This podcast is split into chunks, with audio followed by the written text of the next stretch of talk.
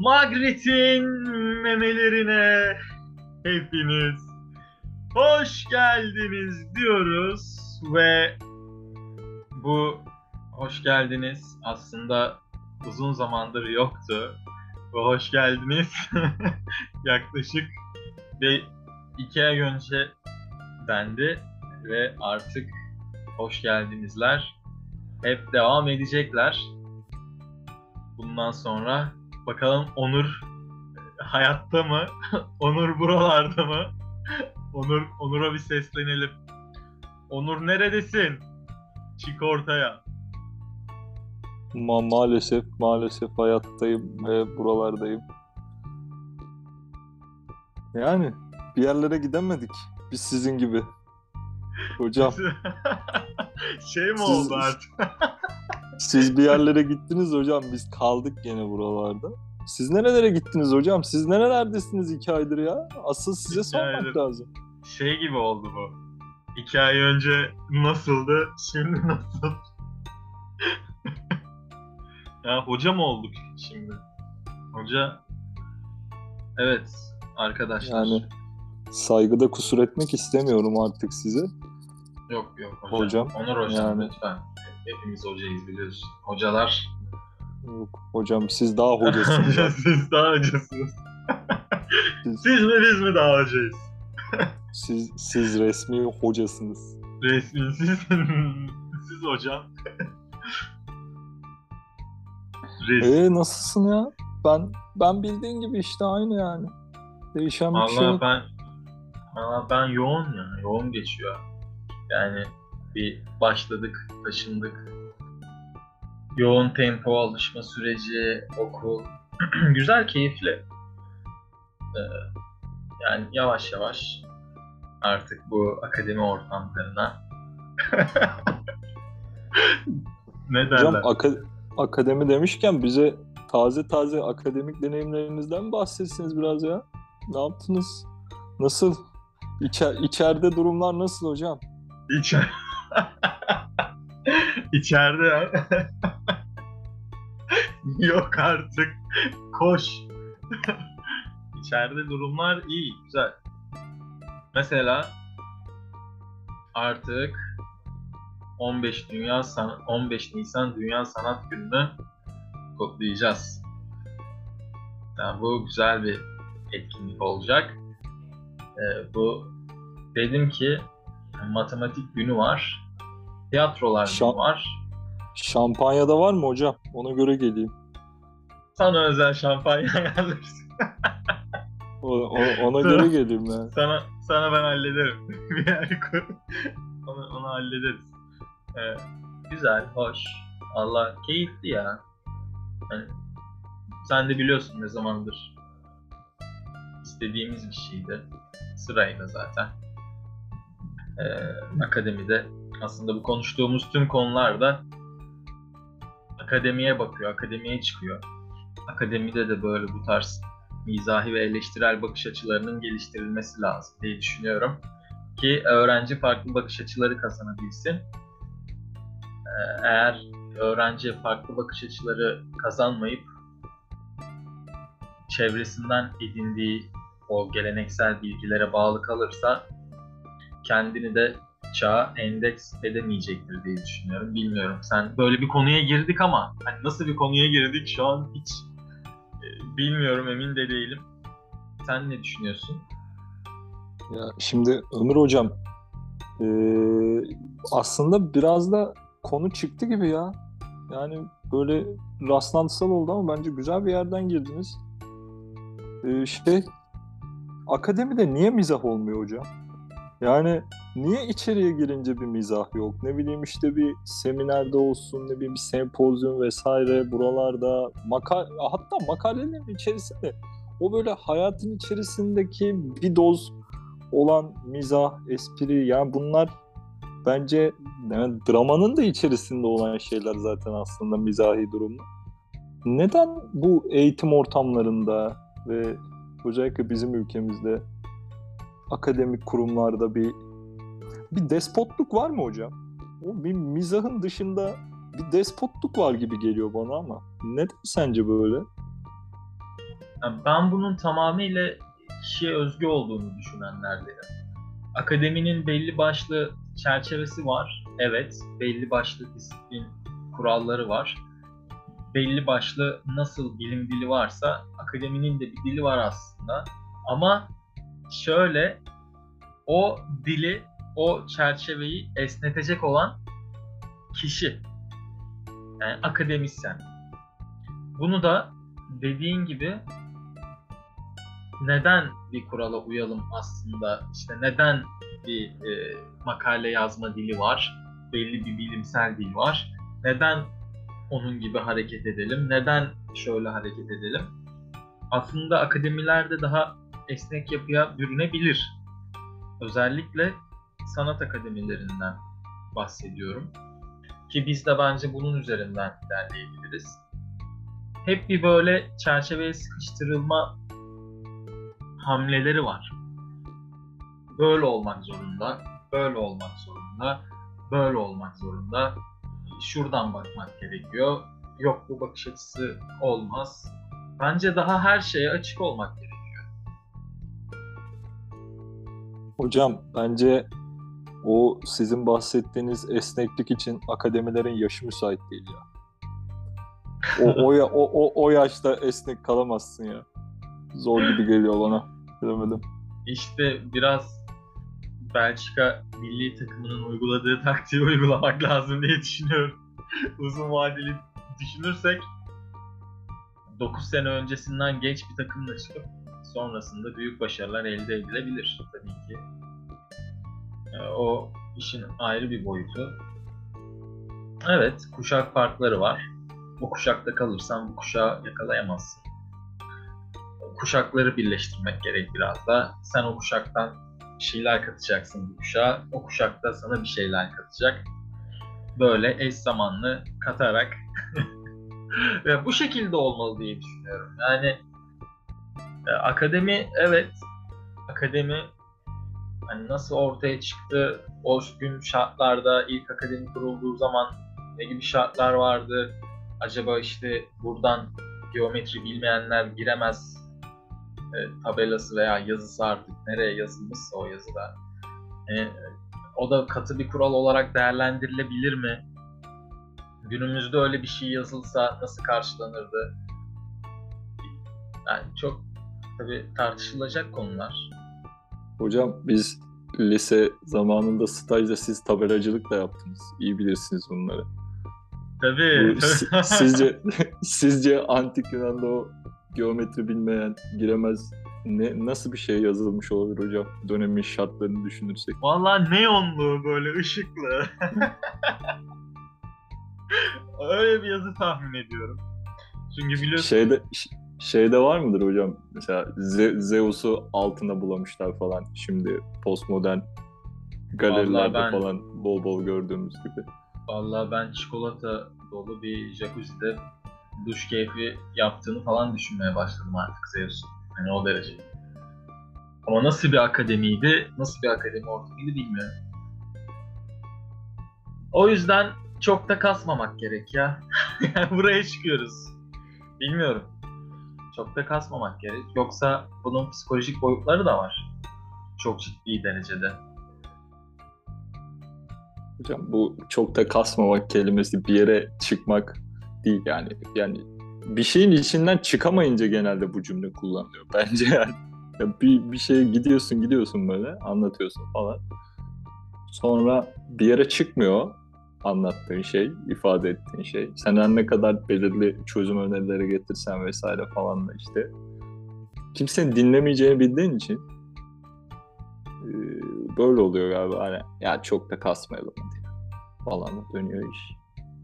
Şimdi şöyle bir şey, o kasmak, hani çok da kasmasak, işte o kasmasa, bu kasmasa, e kim kasacak? yani Hocam Bu- bununla ilgili bununla ilgili çok güzel bir şey var biliyorsunuz siz de. Sen yanmazsan ben yanmazsam nasıl çıkar karanlıklar aydınlığa hocam? evet, evet.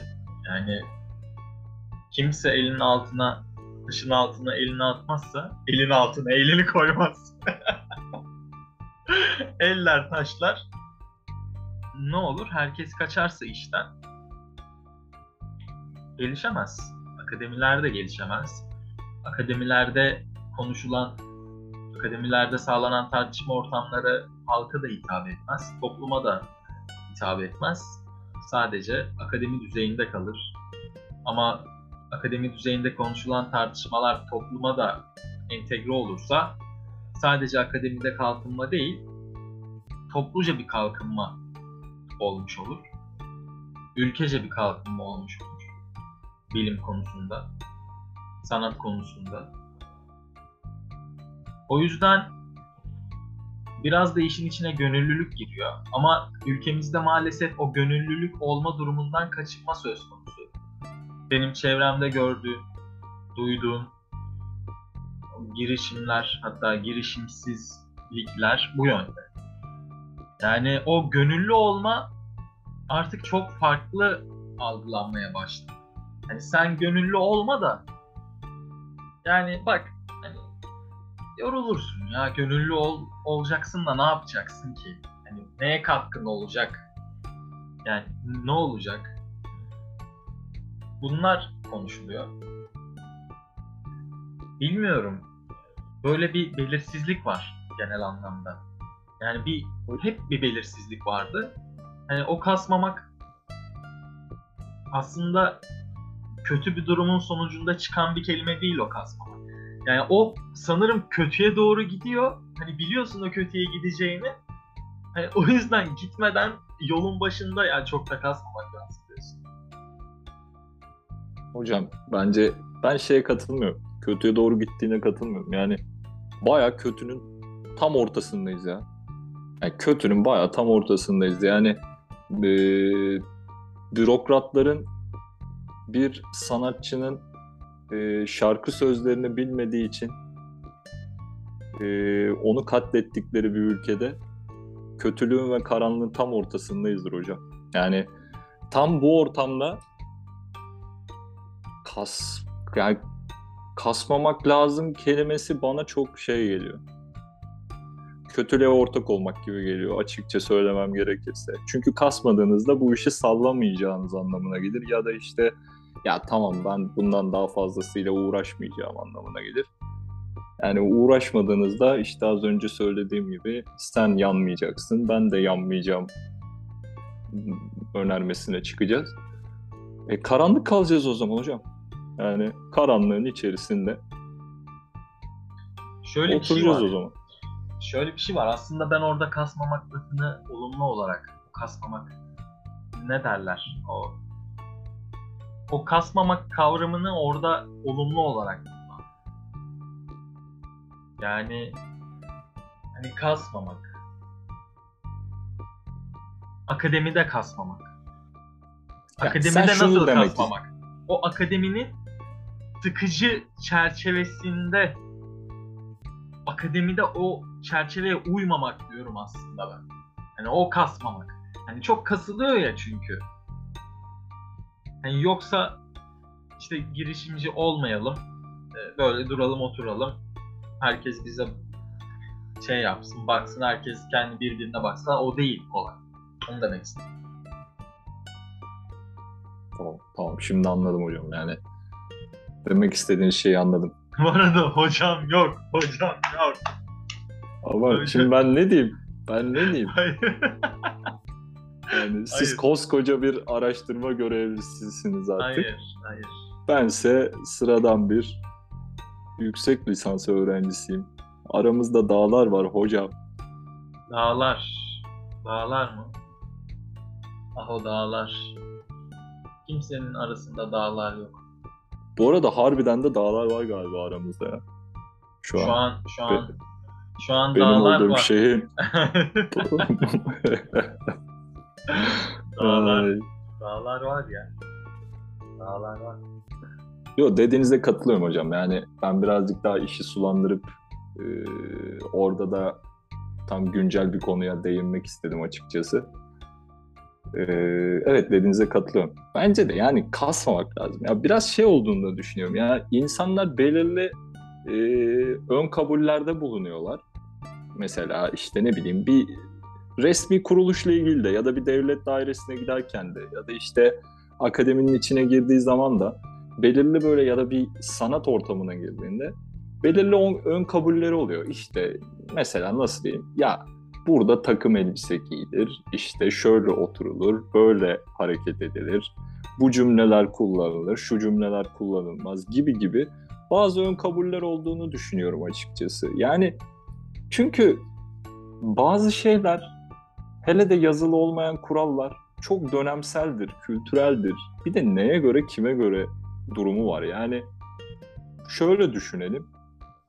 Eski zamanlarda e, siz dünyanın güneşin etrafında döndüğünü yani bugünkü kullandığımız güneş sistemini tarif etseydiniz ki edildi edildi e, kanıtlayamadığınız için çok mantıksız bulacaklardı ve argümanınızı reddedeceklerdi. Ama bu onun gerçeklik olduğunu değiştirmiyor. Ve zaman onu doğruluyor. Zaman onu kanıtlıyor. Gerekli teknik e, konuma eriştiğimizde bir bakıyoruz ki zamanında e, kabul edilmemiş, hatta dalga geçilmiş, çok üzerinde durulmamış bir argüman. Bir bakıyoruz, vay be ne kadar zamanın ötesinde bir argümanmış aslında. Yani bu tip durumların çok muğlak olduğunun altını çizmek istiyorum. Yani bugün sizin önerdiğiniz bir teklif ya da önerdiğiniz bir sav ya da yaptığınız bir hareket e, çok saçma gelebilir. Ama işte o bugünün insanların zihninin zihin, zihin yapısıyla alakalı. Belki sizin söylediğiniz şey ya da yaptığınız şey e, bugünün çok ilerisinde olduğu için bugünün insanları anlamıyor olabilir. Demem o ki çok da ön kabullere takılmamak lazım. Birazcık böyle kendi düşündüğümüz ve yapmak konusunda e, o, onu yapmayı doğru bulduğumuz şeyleri de yapmak gerekiyor galiba. Ne dersin? Tamamıyla katılıyorum sana. Eğer zaten belli bir, o dedim ya her zaman bir çerçeve. Ben çok severim çerçeve. O çerçeveye sıkıştırılmak.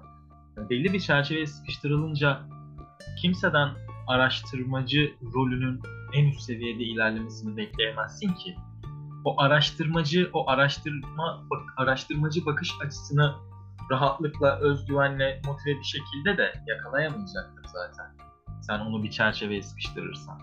O yüzden öyle bir dengede tutmalısın ki o sistemi hem araştırmacı hem bu bilim dünyasına katkı sağlayacak birey kendini rahat hissetsin ve kendi çalışma alanında özgüvenli bir şekilde ilerleyebilsin. Özgüvenli şekilde çalışmalar ortaya koysun. Sen o araştırmacının dilini kısıtlarsan, şu şekilde bu olacak, şu şekilde bu olacak dersen nasıl özgürce ifade edebilir ki kendini araştırmacı? Hadi bizim alana geçelim. Hadi bizim alana geçelim sanat eğitimi, sanat alanına geçelim. Güzel sanatlara geçelim. Bu alanda nasıl bir çerçeveye sıkıştırabilirsin ki? Bu sistemi nasıl bu sanat alanına uygulayabilirsin ki? Yani elbet o taşmalar olacaktır. O aslında çok ayrılıyor. Yani akademinin belli bir sınırları var ama sanat yani şöyle bir soru işareti geliyor sanat akademisi nasıl o sanat alanıyla akademi birleştirilir? Ya da nasıl o ikisi yani sanat nerede öğretilmeli de çıkıyor ortaya. Nasıl değil de nerede? Bu ikisi bu iki ayrı başlık birleşebilir mi? Daha mı rahat ortam? Nasıl oluyor bu bu ikilem? Bilmiyorum. Ya bu burada bence şey var ya. Bence ayrı şeyler de değil diye düşünüyorum açıkçası akademi sanat. Bunlar çok birbirinden kopuk olduğunu düşünmüyorum. Yani bence işte bilimsel bir çalışma yapacağımız zaman nasıl işte işte e, o araştırma yöntemlerinin çerçevelerine sıkışıp işte yazım kurallarının yok işte burada virgül koyacaksın, bunu burada noktada virgül yapacaksın, bunu da buradan parantez içine alacaksın gibi gibi böyle e, biçimsel durumlara takılıyorsak Bence sanatta da aynı şey var ki. Ya işte şu fırça darbeleriyle resim yapacaksın. İşte ne bileyim oran orantılara şöyle dikkat edeceksin. Kompozisyonu böyle kuracaksın vesaire vesaire gibisinden. Sanatın içerisinde de aslında çerçevelenmiş pek çok unsur var.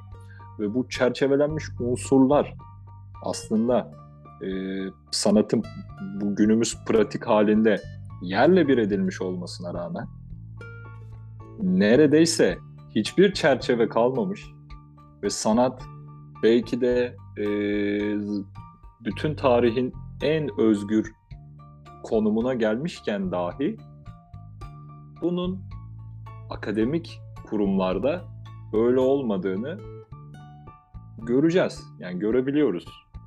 Şahsen ben kendi adıma, kendi gözlemlerim adına bunun böyle olduğunu görebilirim. İşte belki de bu sanatla alakalı değildir de akademinin içerisinde yer almaktan kaynaklanan bir durum mu vardır acaba? Akademi mi üst çatı konumunda bu aşağıdaki alanlara baskı uyguluyordu?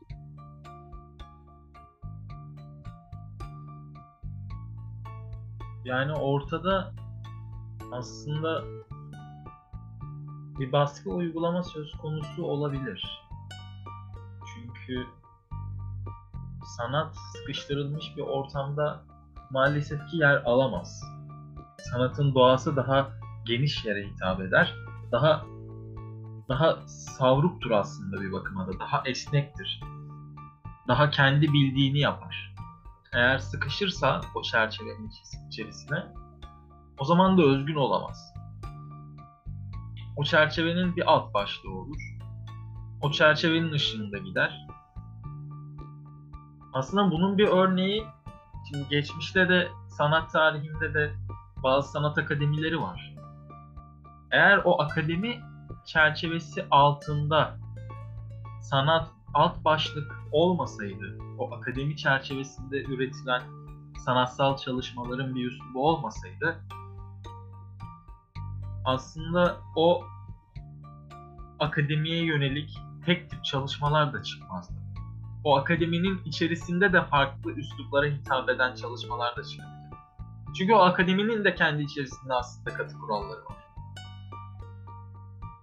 Böyle yapmak zorundasın. Yani sanat akademilerinin o sanat akademisi başlık altında da o tek tip kuralı var aslında.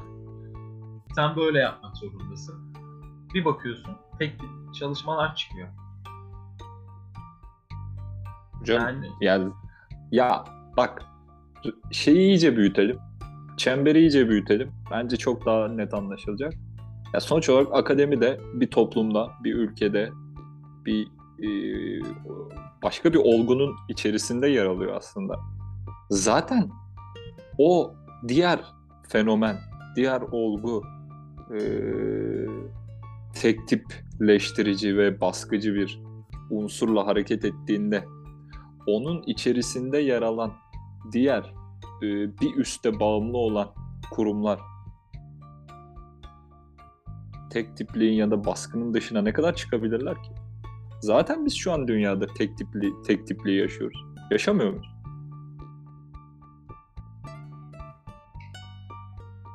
Tek tipli yaşamamaya direniyoruz. yani bilmiyorum anlaşıldı mı ama belki de Tabii tek tipli, direniyoruz. tek tipli tek tipli yaşamamız için bir ortam oluşturulmaya çalışılsa da insanlar nasıl tek tip yaşayabilir ki? Bayağı yaşıyorlar hocam. Yani nasıl tek tip yaşayabilir biliyor musun? Yani bir kere bunu bir gelenek e, bağlamında sistematize edersen çok da kolay tek tip yaşarlar yani. İşte doğu, ondan sonra ilkokula git, ortaokula git, liseye git. İşte hadi biraz daha günümüze uyarlayalım. Üniversitede git. O artık neyse o toplumun o anki maksimum gördüğü eğitim seviyesi. Onun hepsini bitir. O bittikten sonra bir askere git gel. İşte ee, ondan sonra askere gittin geldin bir işe yerleş. Hadi bir de seni baş göz edelim.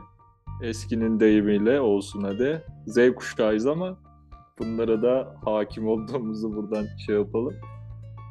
Bir de baş göz edelim seni. Sonra çoluk çocuğa karış, yaşlan, emekli ol. Hadi bir de sana mezar yapalım. Sonra da ağlayalım senin için. Yani bu, bu hocam yani tek tip işte. Bunun dışında yaşam sürdüren ne kadar insan var yani. Bunun örneklemini almaya kalksak bize ne verir? Yani o yüzden bilmiyorum ya. çok çok kafa karıştırıcı tartışmalar, sorular. Hani tek tek bir doğru yok. Tek tip yani tek de ayrı bir konu. Çok çok kararsız kaldım ya. Yani biraz modum düştü. Ya bak biraz da şöyle de, bak şuradan da bir örnek vereyim. İyice açayım bu konuyu. Ya şimdi birkaç yıl öncesine kadar crop giymek moda değildi. Şimdi crop giymek moda ve yani neredeyse yani bir zombi refleksi böyle ya hiçbir şeyin farkında olmadan herkes crop giymeye başlıyor. İşte tek tip bir yerden bir nokta başlıyor ya da işte ülkenin liderini liderini taklit ediyor ya da işte bir tane dizi çekiliyor Kurtlar Vadisi herkes öyle ona bürünüyor. Yani insanlar çoğunluk tabii herkesi genelleyerek konuşmuyorum ama çoğunlukla bir rol model alıp o tipe bürünüyor. Bu kimi zaman pop starlar oluyor, kimi zaman işte rock yıldızları. Gerçi rock yıldızları öyle değildir neyse. Kimi zaman başka şeyler. Onur bunun Sanatta da Evet evet yani bölüyorum ama çok özür dilerim. Bu evrimsel bir noktası da olmalı bunun. Yani bunun içinde inanç da var, evrim de var. Hani o birine inanma, birine rol model alma. Ne diyorsun sen? Ne diyorsun? sü, sü, sürü- sürüyle hareket etme psikolojisi diyeceksin ama ya bak ben şu an aslında bunun tam evrimsel karşılığı mu- muhakkak var. Ee, Belki de şu işte ya ya evrimsel karşılığı bunun şu. Sosyal canlısın. Sosyal bir alanın içerisinde kendini daha güvende hissediyorsun. Ama bence tek açıklaması evrimsel değil. Çünkü sonuç olarak sen de ben de sosyal canlıyız ve senle ben de e, o az önce saydığım o tip insanlar yani o tek tip olan insanlardan ayrı bir e, evrimden gelmiyoruz. Ayrı bir kökenden gelmiyoruz. Ortak atadan geliyoruz. Buradaki dallanmayı ben zaten sorguluyorum. İşte buradaki dallanma kişinin e, entelektüel yaşantısı ve kültürel yaşantısıyla alakalı. İşte tam olarak konuşmamız gereken konunun bu olduğunu düşünüyorum. O zaman Yoksa şöyle. Ortak odada, ortak atadan gelen insanlık bu kadar zıt kutuplara meyillenmez. Diyorsun ki yani bir kırılma noktası var. Bir yerde bir olay kopmuş. Tabii canım yani bunu sen de gayet iyi biliyorsun. Ben de gayet iyi biliyorum. Yani lise zamanlarını düşün. işte vesaire daha eski zamanlarını düşün. Oralarda göreceksin o kırılma anını. Ve oralarda işte pek çok do- dostumuz, arkadaşımızın olduğunu ve şu an onların kaçının olduğunu ve onlarla o an aynı şeyi paylaşabildiğin ama şimdi ne kadar bir şey paylaşabiliyorsun işte o senin kırılma anını gösterecektir. Ama bazıları hiç kırılmıyor. Yani ve bu toplumun çoğunluğunu oluşturduğu zaman bu sanata da, akademiye, her yere etki eder. Ediyor yani. Eder demeyeyim de. O zaman o zaman yavaştan bölümün de sonuna gelelim. E, şuna çıktık gibi bir şeye çıktık. Bak bu podcast yayınında bir şeye çıktık. Şöyle. Kırılma yaşamak lazım değil mi? Yani bunun sonucuna var. Yani bir noktadan sonra kırılamazsak eğer tek tipe dönüşürüz. Yani bir noktada kırılmamız lazım. o çerçeveyi kırmak mı lazım? Ya da o çerçeveye sıkışmamak mı lazım? Ya buna çıkmak istiyorum. Hocam yani ben bundan sonra sana hep hocam diyeceğim Hayır podcastlerde. hayır bunu deme. Ya. Onur ve Ömür. ya tamam Ömür. Ee, ya burada şey var. Her nerede yaşarsan yaşa. Her nerede olursan ol. Ben o başta da onu söyledim işte. Ön kabullerle hareket ediyoruz ya. İşte bu toplumda şunu yaparsan kabul edilirsin. İşte şu sektörde şöyle davranırsan başarılı olursun. Aç gözlü olursan şöyle olursun. Bencil olman lazım. Şöyle olman lazım. Bunlar üst sistemin insanlara dayatmış olduğu ön kabuller olduğunu düşünüyorum. Ve her ne orada ne, yani insanlar her nerede olursa olur olsunlar bu ön kabulleri kırmaları gerektiğini düşünüyorum. Aslında orada kırılması gereken şey insanların kişilikleri ya da e, kütleleri değil. İnsanların ön kabullerinin burada kırılması gerektiğini düşünüyorum. Bu ön kabuller kırılmadan sanatın, akademinin, bilimin, pek çok şeyin konuşulmasının bile hiç gereğinin olmadığını düşünüyorum. Biraz da belki o yüzden bugün sanat konuşmaktan Evet. çok evet. kaçındım.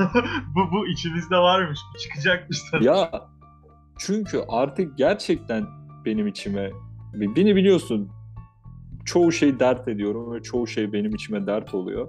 Bu da benim içime dert olmaya başladı. Yani e, sosyolojinin içerisinde olan ya da toplumun organizasyonun içerisinde olan yapıları o yapılardan ayrı konuşuyoruz sürekli.